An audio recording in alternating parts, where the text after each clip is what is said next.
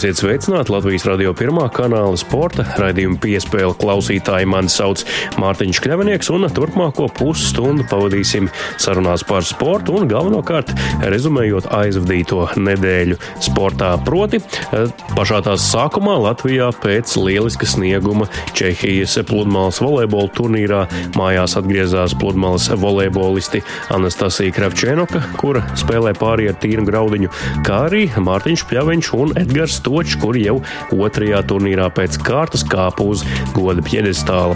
Hāgas zeltam Pļaviņš Stočs šoreiz pievienoja bronzu Čehijā, savukārt Graudiņa Krevčēnoka Čehijā izcīnīja sudraba medaļas. Ar Anastasiju Kravčēnoku, kur Tīnu Graudiņu palaida atpakaļ uz Kaliforniju, lai viņa varētu turpināt studijas universitātē, sarunāsies mana kolēģi Inita Krēse Katkovska. Savukārt, ja par pludmales volejbolu iesākām runāt, tad ar to arī turpināsim, jo studijā būs viens no Latvijas pludmales volejbola haļu izpildu direktoriem. Varu pačukstēt, ka šī ir viss nesenāk atvērtās pludmales volejbola halles vadītājs. Savukārt raidījuma izskaņā parunāsim arī par basketbolu un galvenokārt Latvijas un galvenokārt Latvijas basketbola līgu, kā tā šosezon izskatās līdzjutēju acīm un cik sportiski konkurētspējīga tā joprojām ir. Bet par to visu pēc īsa brīža.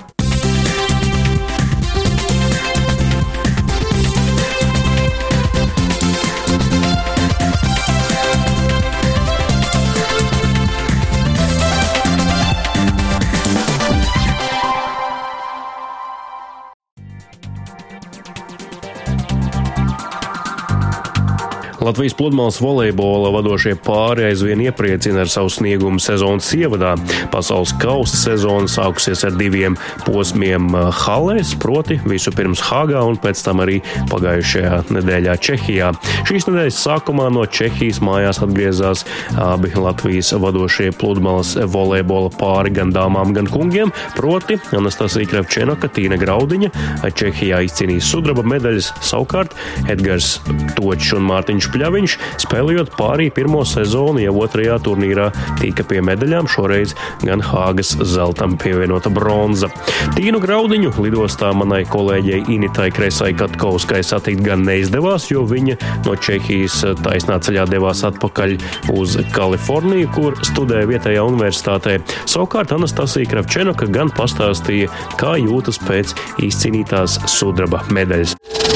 Tas ir ļoti pašsaprotami, kad Latvija sauc, tad tur nav variantu. Tu vienmēr saki, ka jā. Es cenšos katru spēli palikt labāks, katru spēli augt. Tad, kad jau ir uh, sezonas beigas un, un starpsezona, tad tu vari palikt vēl labāks spēlētājs.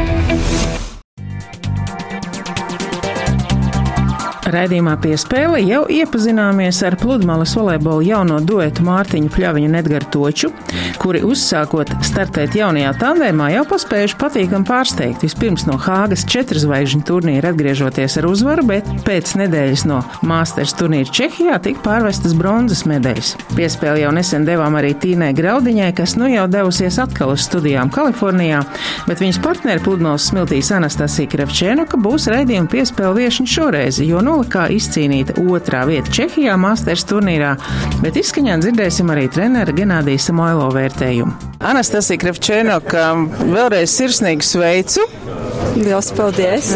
Nu, var teikt, ka esat jau tajā lielajā volejbolā abas divas iekšā, vēl gan esot, nu, tā junioru vecumā. Turnīrs sanāca ļoti patīkams, jo sākot no kvalifikācijas jau sanāca uzvarēt labas komandas, bet arī zaudējām vienu grupas spēli, bet kopumā es domāju, ka turnīrs izdevies un uh, pašām ļoti daudz emociju un esam priecīgas.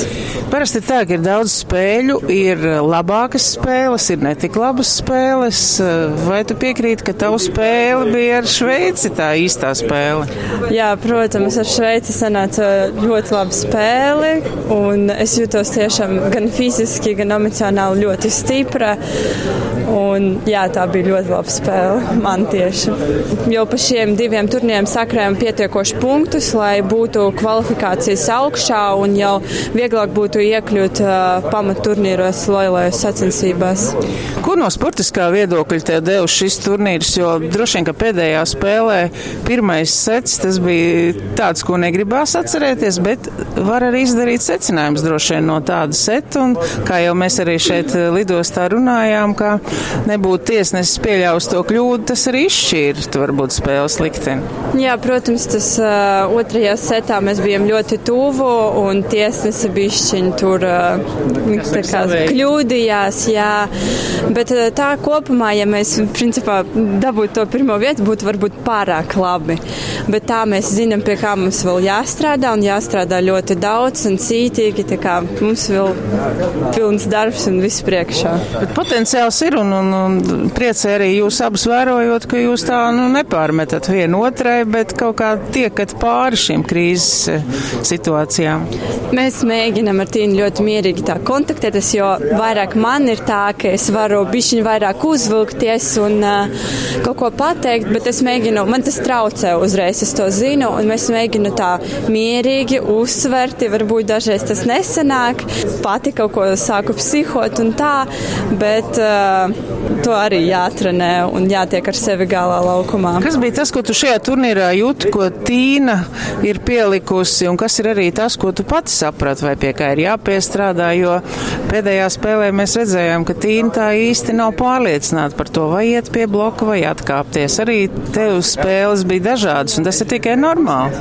Es domāju, ka Tīna labi pielika tieši aizsardzībā, atkāpjoties no bloka. Ja pagājušajā gadā vasarā, ja viņa atkāpās no bloka, viņa paņēma tikai kaut kādus 10% no tām bumbām, tagad tas procents jau ir daudz lielāks. Protams, viņa neņem visas bumbas augšā, bet lielāko daļu sanāk uh, paņemt. Un, uh, nu, es domāju, ka viņa arī pielika servē un vienkārši kā pati jūtās uz laukuma drošāk. Un, uh, Tagad Tīna ir aizbraukusi uz Ameriku studēt, bet skaidrs, ka arī viņa teica, galvenais uzdevums ir šogad vasarā Jūrmalā Eiropas čempionātā. Jums ir jāizstāv savus tituls. Mums vajag vēl labāk startēt sieviešu turnīros, jo spēlēt ar to pašu vecumu tas nav tas. Mums jāspēlē ar pieredzējušākām sievietēm un ar vīriešiem arī jāspēlē. Un tas dos to pārākumu uh, pret tām komandām, kas atbrauks uz to U22 vecumu. Un, protams, arī šajā turnīrā bija divas komandas, kuras spēlēs arī U22 čempionātā. Mēs esam augstāk par viņām reitingā. Tas, protams, neko nenosaka, bet uh, mēs daudz strādāsim, lai parādītu to rezultātu U22. Naudas balvas, vai jūs arī esat kaut kā vienājušās, cik aiziet pašam, cik aiziet varbūt karjeras attīstībai? Droši vien tas arī ir svarīgi. Nu, mums viss iet uz uh, karjeras attīstību.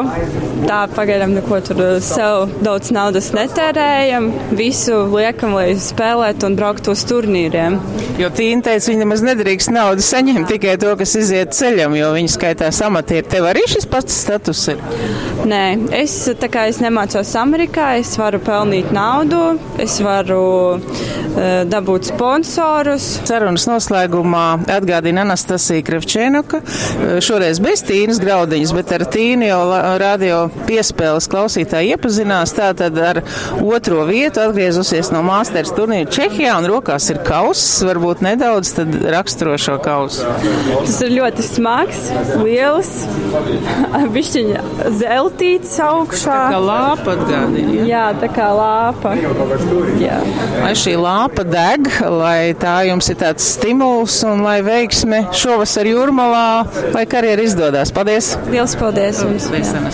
Genādijs Samoilovs, neliels komentārs par jūsu audzēkņu startu. Es domāju, ka daudz Latvijā noteikti bija ļoti priecīgi vērojot gan caur YouTube kanālu, gan Best for Sports, gan par meitenēm, gan par puišiem. Un uh, arī sarunā ar Nastju jau konstatējām, cik labi, ir foršas spēles, kas parāda to potenciālu, un arī sliktie seti, kā bija pirmais izšķirošais, parāda, nu, ka cik pie kā jāpiestrādā. Jā, nu, jā bet nu, mums ar meiteni vajag strādāt ar visu. Sāksim no servisa un beidzas uzņemšanas. Bet uzbrukuma bloka aizsardzība pārvietojumi.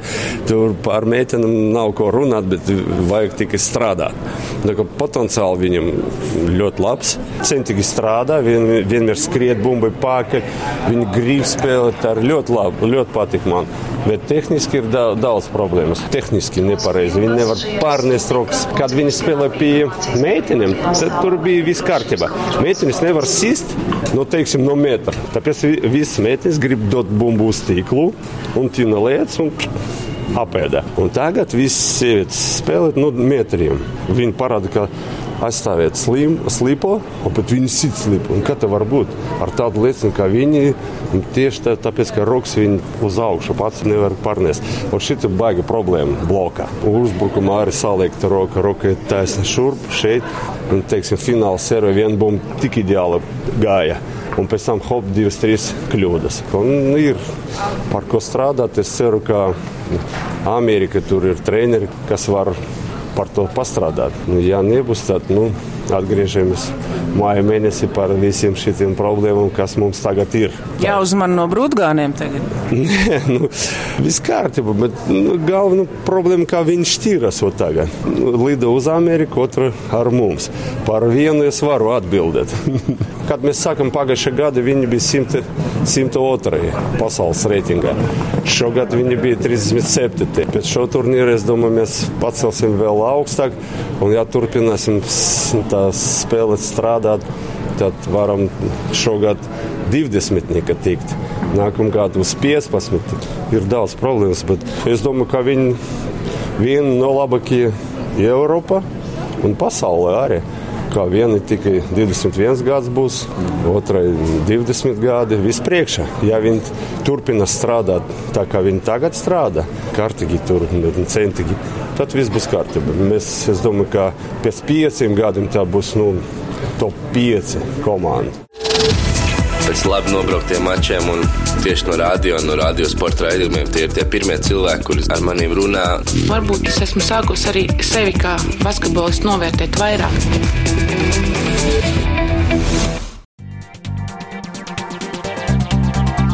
Pludmales volejbols pēc Londonas Olimpiskajām spēlēm 2012. gadā, kad Mārtiņš Pļaviņš un Jānis Šmēniņš izcīnīja bronzas medaļu, raisīja arvien lielāku interesi gan no bērniem, gan amatieriem. Tieši tāpēc arvien aktīvāk sarosījās arī potenciālie pludmales volejbolu hāļu īpašnieki. Pēc Londonas Olimpiskajām spēlēm papildus jau eksistējošajai pludmales volejbola hālē Brazīlijā atvērās arī beachbox un Ausens. Tagad šim trīniekam arī Rīgā pievienojusies arī 4. hale septembrī atklātā Beach Arena, kas uz citu fona izceļas ar divreiz lielāku kapacitāti. Proti, ja katrai no iepriekš nosauktajām halēm ir pieejami četri smilšu volejbola laukumi, tad Beach Arena eh, volejbolu un arī pludmales tenisu var spēlēt uz astoņiem laukumiem. Lai izzinātu, kā tad šī hāla īsti tapa, kur radās ideja un vai Rīgā jau šo hāļu nav par daudz, uz sarunu radījums piespēle aicināja Pludmales volejbola halas Beach arena izpildu direktoru Jāni Vītolu.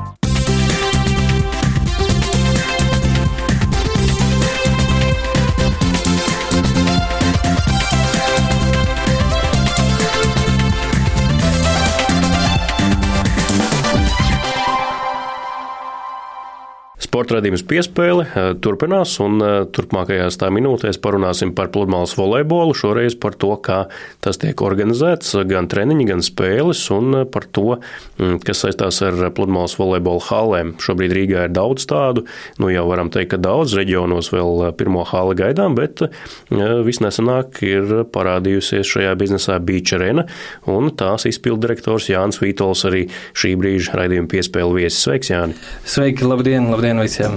Jā, un radio klausītājiem pirms šīs sarunas pastāstīšu, ka mēs ar Jānu esam jau kādu laiku pazīstami. Mūs saist arī studentu radio saites, kur viņš bija mans priekšnieks. Tā kā varbūt drusku netik profesionāli un stīvi šī intervija izklausīsies iespējams, tāpēc, ka mēs esam jau kādu laiku pazīstami. Jāni, kādu laiku nebija dzirdējis par tevi neko, un redzēs, tu esi um, Beach Arena izpildu direktors. Kā tas viss vispār līdz tādam rezultātam nonāca? Nu, zini, Latvijā runā to, ka ir gan daudz jau to pludmales haļu, Bet uh, mēs redzam, to, ka sporta veids ir ļoti perspektīvs, uh, paskatoties uz tiem pašiem starptautiskiem rezultātiem, uz to, kāda ir uh, masveidīgums pludmales volejbolam un kāds būs masveidīgums arī pludmales tenisam, par kuru daudz vēl nerunā. Un uh, klāt arī nāk tas, ka Latvijā vasara ir tik gara, cik gara viņi ir. Un katrs Latvijā dzīvojošais ir pelnījis pabūt pludmalē arī ziemas laikā.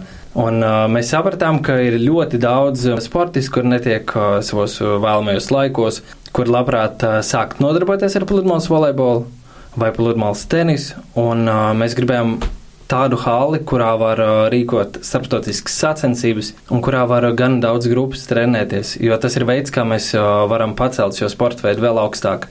Un tāda mūsu ārtava pludmales tenisā un pludmales volejbolā Latvijā. Jā, jūs atšķiraties ar to, ka jums ir astoņi smilšu laukumi, citās halēs ir četri. Tas nozīmē, ka kapacitāte uzreiz ir reizes divi nekā jebkurai citai halēji. Nu, jā, tieši tā mums ir astoņi laukumi.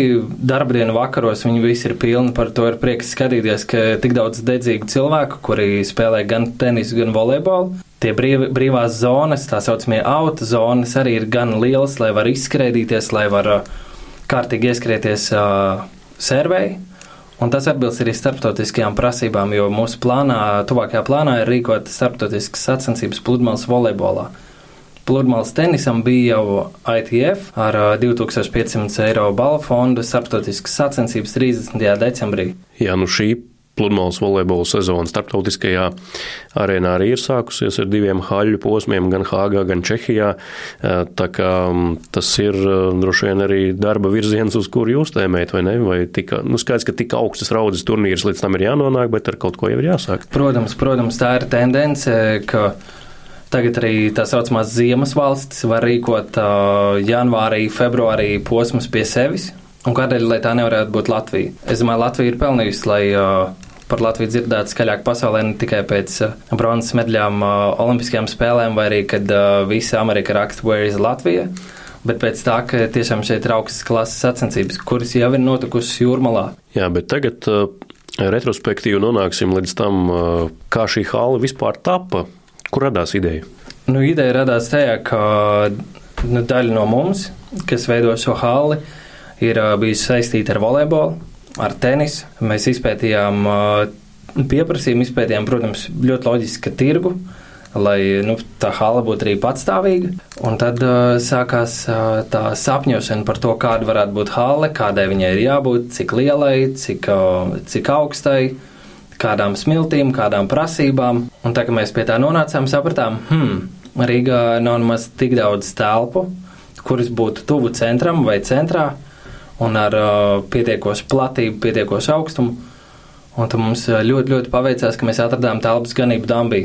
Tur ir viegli piebraukt, arī sabiedriskais transports. Un, tad mēs sākām dzīvoties, sākām būvēties, un uh, vasaras laikā tapu hali. 18. septembrī mēs bijām vaļā, bija pirmie klienti.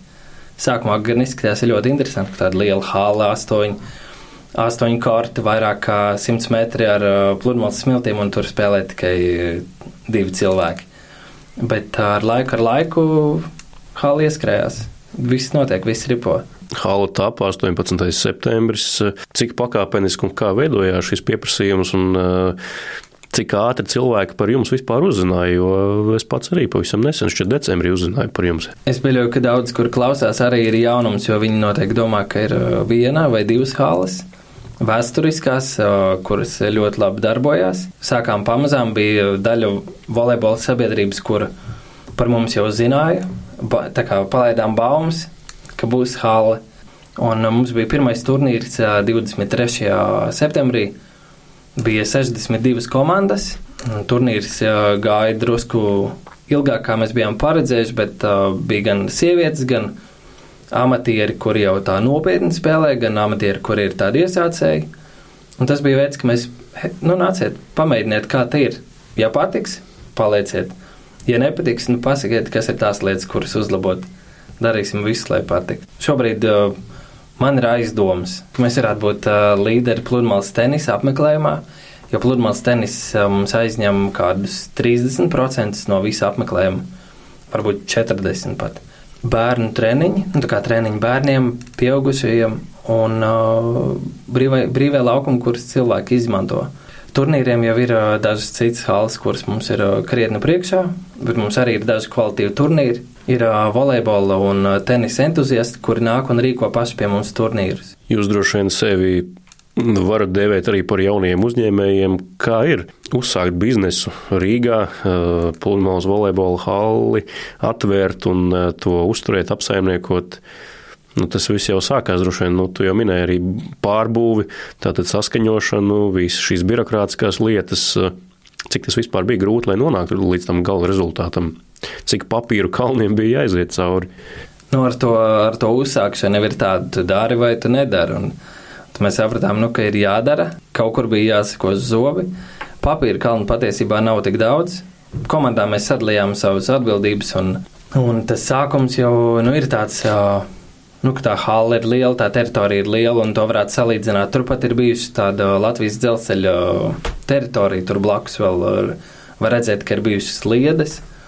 Un tad to hāli es reizēm salīdzinu kā tādu na naftas vagonu sastāvu, kurš ir tā kārtīgi jāiesūpo un jāiestumi. Un tas sākums jau nav nekāds vieglais, bet, uh, bet kad tā sastāvs sāk ripot, tad lietas aiziet. Un tāpat izstāsta tagad ar hāli. Finanšu investīcijas no kurienes tīri no jūsu pašu veidotāju kabatām? Gan, gan. Ir gan pašu finansējums, gan tuvāko cilvēku aizdevumi, jo tās izmaksas viņas ir salīdzinoši lielas, un viņas kaut kur aug, kaut kur viņas samazinās, un mēs vēl, mēs vēl tagad cenšamies aprēķināt, cik tad tur galā ir sanākusi tās investīcijas. Un tad mūsu plāns ir, ka sešos gados mēs atpelnīsim investīcijas. Vai tā notiks, to rādīs laiks. Un arī tas, kad ir šis desmit gadu vienošanās, tā arī mums ļoti, ļoti palīdz. Profesionālie pāri, vai tie arī jau par jums ir dzirdējuši un izrāda kādu interesi trenēties, vai tomēr vēl nē? Nu, profesionālie pāri lielākoties trenējas ārzemēs. Ir daži pāri, kuri trenējās Olimpiskajā sporta centrā. Tagad mēs vedam pārunas ar dažiem pāriem, kur varētu nākt pie mums trenēties, gatavoties savai starptautiskajai sezonai. Tāds top 4, top 5, top 6 pāri. Klaujāni pats arī uzspēlē savā pārvaldītajā laukumā, vai tomēr ne? Jā, jā, sākumā darba bija tik daudz, ka es uh, skatījos ar, kas saka, ar sieklām uz laukumiem domāju, bāc, kad es beidzot varēšu aiziet smiltīs. Jo tā, kad uh, man bija brīvs laiks, tad hali mēs taisījām ciet. Nu, 11. vakarā, bet tagad ir tā, ka es reizi nedēļā uzspēlēju. Es eju uz dažiem treniņiem, kurus vada mūsu treneri. Jā, tālūk, Jānis Vītols, Beacharena izpildirektors, intervijā sporta redzījumam piespēle. Paldies, Jānis, ka atnāci šodien šeit uz Latvijas radio un pastāstīja par Beacharena. Tad jau vēlam arī panākumus darbībā un to, lai par šo pludmales volejbola hali uzzina arvien vairāk spēlēt gribētāju. Paldies, Mārtiņ! Paldies visiem! Vislabāk! Ne Kristaps Ozdiņš būs tā brīnuma nūjiņa, kas garantēti mums, ne arī tagad mēs esam norakstām. Kad tev paliek viss grūtāk, bet tu zini, ka tu cīnies par komandu, tu cīnies par Latvijas vārtu, un tur parādās tā cīņa. Jau 9. februārī Pjončhanā sāksies Ziemas Olimpiskās spēles. Tās turpināsies līdz pat 25. februārim. Taču šī te laika posma pašā pašā vidūcī 16. februārī Igaunijā Tallinā noritēs Latvijas un Igaunijas apvienotā basketbola līgu zvaigžņu spēle. Pirmreizēji Latvija un Igaunija ir apvienojušas spēkus, lai rīkotu kopēju zvaigžņu spēli. Iepriekšējos gados katra valsts un līga to darīja atsevišķi. Latvijas basketbola līgas vadītājs un arī citu pārējo Latvijas basketbola līgu direktors Edgars Bērziņš uzskata, ka šis ir pareizs solis. Tomēr redzījums piespēle viņam uzdeva arī pāris nērtākus jautājumus saistībā ar Latvijas basketbola līgām. Edgars Bērziņš sarunāja Latvijas eh, radio sporta redzējumu piespēli Latvijas basketbola līgu nu, jau direktors. Tas eh, vēl kas nāca līdz šim amatnosaukumam, līdz šim pienākumu izpildītājs vairs nav. Esat pilntiesīgs uh, amata ieņēmējs. Jā, tieši tā. Es sapratu ar pienākumiem. Pienākumus pildīju pilnīgi tos pašus nomainoties amata nosaukumam. Līdz ar to jā, nu jau kādu laiku pirms tam strādāju pie bijušās direktors Lāsmas Zanders. No viņas daudz ko iemācījos, tā kā esmu apradzis pilnībā ar saviem jauniem pienākumiem. Jā, pasākums, kas aktuāls šobrīd šeit, par ko runājāt, jau arī iepriekš mēdījiem informējāt, ir zvaigžņu spēle Latvijas-Igaunijas. Šoreiz 16. februārī nebija bailes, ka Olimpiskās spēles nosmels to intereses skrējumu. Ir izpārdotas vairāk nekā 3000 biļetes, arēnas kapacitāte ir 5,5 tūkstoši. Vēl līdz pasākumam ir palicis gandrīz mēnesis līdz ar to nav šaubu, ka arēna būs pilna. Tad jau aizdītajā sezonā redzējām, ka zvaigžņu spēle skatās principā, tādā pašā līmenī kā Olimpija Telbela finālsērija. Par to arī nav uztraukums. Domāju, ka spēli redzēs un apmeklēs daudz un dzirdēs par to arī daudz. Ir jau dati, Kas, tos, kas tās biļetes ir izpirkuši vairāk igauņu, latviešu, puses pusi? Man nav konkrēti datu, bet uh, es pieņemu, ka tie noteikti vairāk varētu būt uh, Igaunijas pilsoņi. Ar interesi vajadzētu būt visam kārtībā, sevišķi ņemot vērā to, ka mūsu igauņu partneri ir ne tikai Igaunijas basketbola savienība, bet arī ekspresa mēdīja, kas pārstāv Delfi grupu. Tas par zvaigžņu spēli, ja par Latvijas basketbola līgu un šo sezonu, kā jūs kā līgu direktors vērtējat LBL? Pirmās divīzijas eh, kopumā sacensību noris šajā sezonā, jo līmenis tomēr, nu, būsim objektīvi, ir zemāks nekā iepriekš. Atkarīgs pēc kādiem parametriem to mēra. Es domāju, ka līmeņa Daudzi, daudz pieminētais līmeņa kritums varētu būt saistīts ar uh, Latvijas ekonomisko situāciju. Taču tajā pašā laikā pirmā, pirmā kārta pēc jaunā gada piecas spēles uh, janvāra sākumā. Rezultātu starpība bija plus mīnus viens līdz trīs punkti. Ja? Tā kā galvenais jau ir uh, tā intriga, un kā mēs redzam, televīzijas reitingi ir uzlabojušies par 20% šajā sezonā.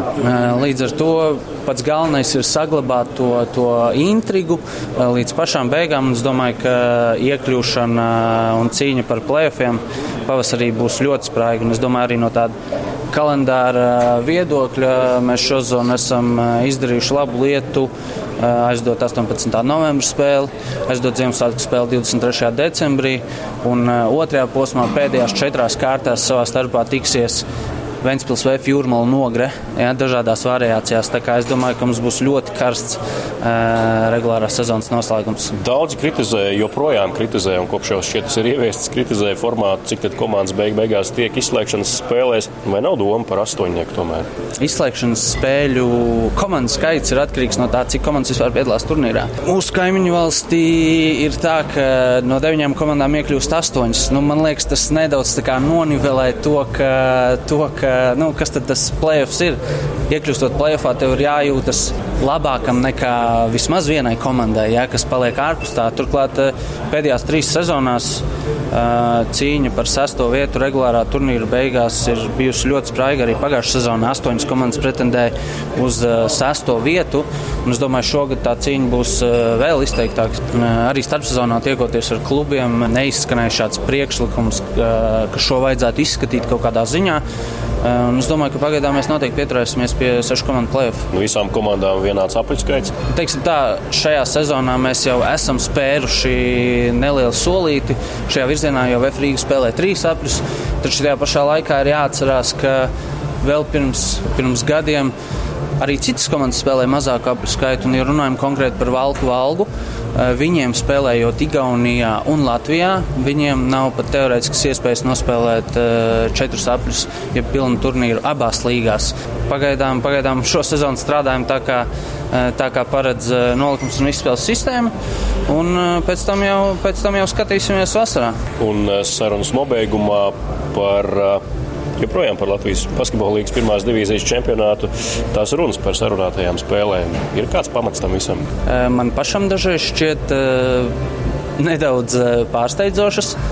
Numur viens, mēs turpinām sadarbību ar spēļu likmju monitorētāju Federbet, mēs, ar kuru sadarbībā mēs varam redzēt ne tikai, kas notiek Latvijā, bet kas notiek arī Lietuvā, Igaunijā, Somijā un Zviedrijā. Ja aizdītajā sezonā mums bija pāris tādi šaubīgi gadījumi Lietuvas valstī, Lietuvas basketbolīgā un Baltijas basketbolīgā, tad šogad nevienā no šīm piecām valstīm, tostarp Latvijā, nav reģistrēts neviens gadījums, kad būtu jābūt kaut kādai aizdomēnai par jebkuru klubu. Arī ne Baltijas basketbolīgā. Nē. Bet eh, man pašam personīgi, protams, iepazīstoties ar, eh, ar pāris rakstiem atsevišķos mēdījos un, un cenšoties iedziļināties eh, tajos totalizatoru elementos, kā teiksim, handikapa līnija un tā tālāk, man, man arī dažreiz nešķiet saprotami tas, kur, kur teiksim, tā līnija tiek novietota sevišķi nu, tiem, tiem likmju nevis veicējiem, bet ražotājiem. Nu, būtu varbūt teiksim, dažreiz nevis jāprotās, bet nu, jāsaprot, ka dažreiz tā līnija var būt, zinot abu komandu sastāvus un, un vecuma atšķirības, varbūt nav tā pareizajā vietā izlikta.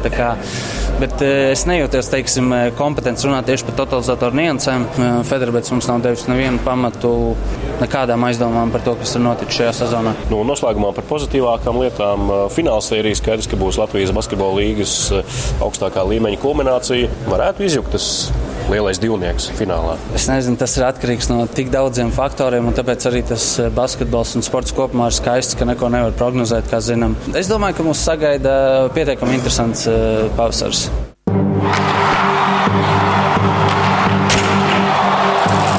Sporta raidījums piespēle nu ir galā. No jums atvados arī es, Mārtiņš Kļavnieks. Vēl tikai jāpiebilst, ka šo raidījumu man veidot palīdzēja arī kolēģi Inita Krēsa Katkauska. Tiekamies jau pēc nedēļas.